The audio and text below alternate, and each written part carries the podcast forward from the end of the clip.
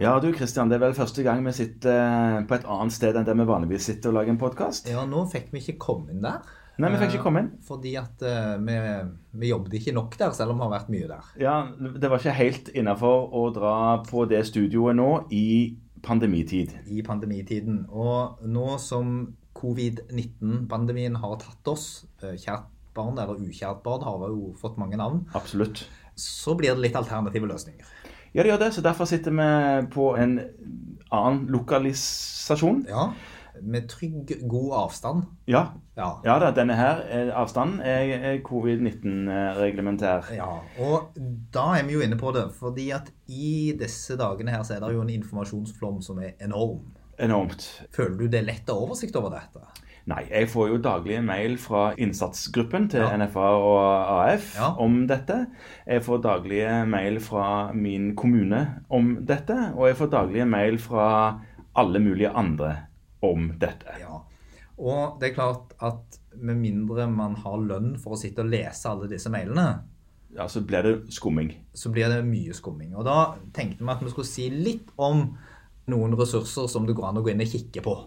Ja. Eh, det finnes nok helt sikkert noen fornuftige kommunale ressurser òg. Det gjør det i alle kommuner, og det kan ikke vi ta så mye hensyn til. Men, men i hvert fall eh, så er det én plass som det går an å, å se på. Det er jo sånn i regi av Legeforeningen, den som heter covidinfo.no. Covidinfo.no. Ja, Den peker egentlig til en side på Skillnet. Ja, og SKIL, altså Senter for kvalitet i legekontor. Eh, vi har jo snakket med han som er primus motor der. Ja, og jeg tror han har noe med dette å gjøre òg, altså. Han har det. Ja, eh, Der ligger det mye fornuftig samla oppsummert informasjon, og så ligger det også en sånn beslutningsstøtteverktøy for hva du skal gjøre med de som kanskje har covid, ikke har covid, tror de har covid, osv. Ja, og det, det beslutningsverktøyet det hjelper deg til både hva du skal gjøre, om de skal ha test eller ei, hvilken diagnose de skal ha, og om de har rett på sykemelding eller ei. Og i Ja. tillegg, hvis en tar den eh, elektroniske versjonen av dette verktøyet, så får den òg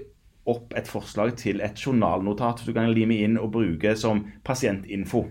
Og Det er jo kjempegreit. Og i dagens hverdag med mye elektronisk kommunikasjon med pasientene, så kan du jo faktisk få informert ganske grundig gjennom det notatet. Mm. Det er en veldig god ressurs. Ellers så er det jo FHI sine hjemmesider. Ja, Folkehelseinstituttet. Ja, de er ikke, som en del andre offentlige sånne sider, de er ikke veldig intuitive. Nei, og så bærer de veldig preg av at uh, informasjonen har kommet uh, litt sånn pø om pø. Ja, Men det som de skal ha, er at de legger ut en dagsrapport hver dag. Ja, den er fin. Eller det er den jo ikke, det er dystert.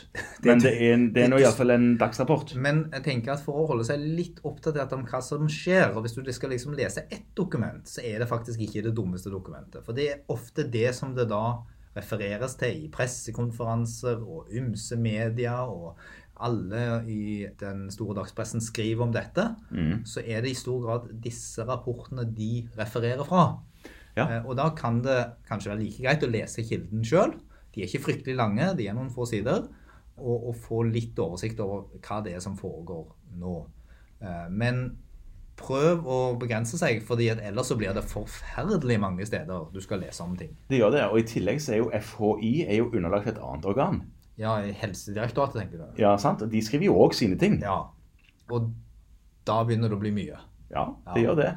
Og de kommer jo med retningslinjer for hvordan du skal forholde deg og behandle, og hvilke medikamenter sånn etter hvert, og i sykehjem og i kommunehelsetjenesten og det ene med det andre. Ja, og derfor så tror jeg at det å prøve å finne seg noen fornuftige rapporter, eh, noen fornuftige kilder til litt sånn oversiktlig rapport, er ganske greit. Ja. Eh, Og da vender meg egentlig litt tilbake til der vi begynte, at, at f.eks. på covid-info, der ligger det veldig mye fornuftig, Ja. oppsummert og greit, og prøv å se på det. Ellers så har også Legemiddelhåndboka fått noen ganske greie oversikter de siste dagene. ja, men det er mer en artikkelsamling, Ja. som òg selvfølgelig går an å titte på. Noe mer da om det? Dette her er jo det, det er ikke så lett å si så mye mer, for det endrer seg sånn. Det endrer seg fra dag til dag og uke til uke. Ja. Og det å si noe konkret om hva du skal gjøre, det er ikke så veldig lett. Annet enn at vi har nok dessverre en svær forpliktelse i å prøve å henge litt med i disse tingene. Ja. Og kunne gi oppdaterte råd. Og så tror jeg kanskje vi skal si noe, så er det, det, er en, det er et stort poeng i å være noenlunde oppdatert på disse rådene, fordi at vi må, for å avlaste hele tjenesten, kunne gi råd til våre pasienter som fastlege. Ja, og Det nytter ikke å sette seg ned i et hjørne og si at jeg syns ikke dette var så viktig. Nei, det er i hvert fall lite løsningsorientert. Det er sant.